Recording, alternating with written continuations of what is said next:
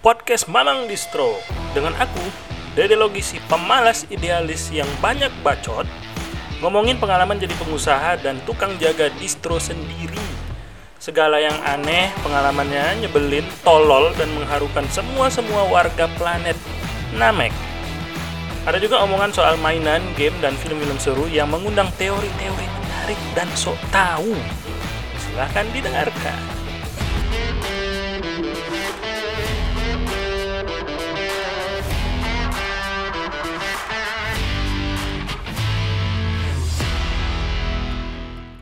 Podcast Mamang Distro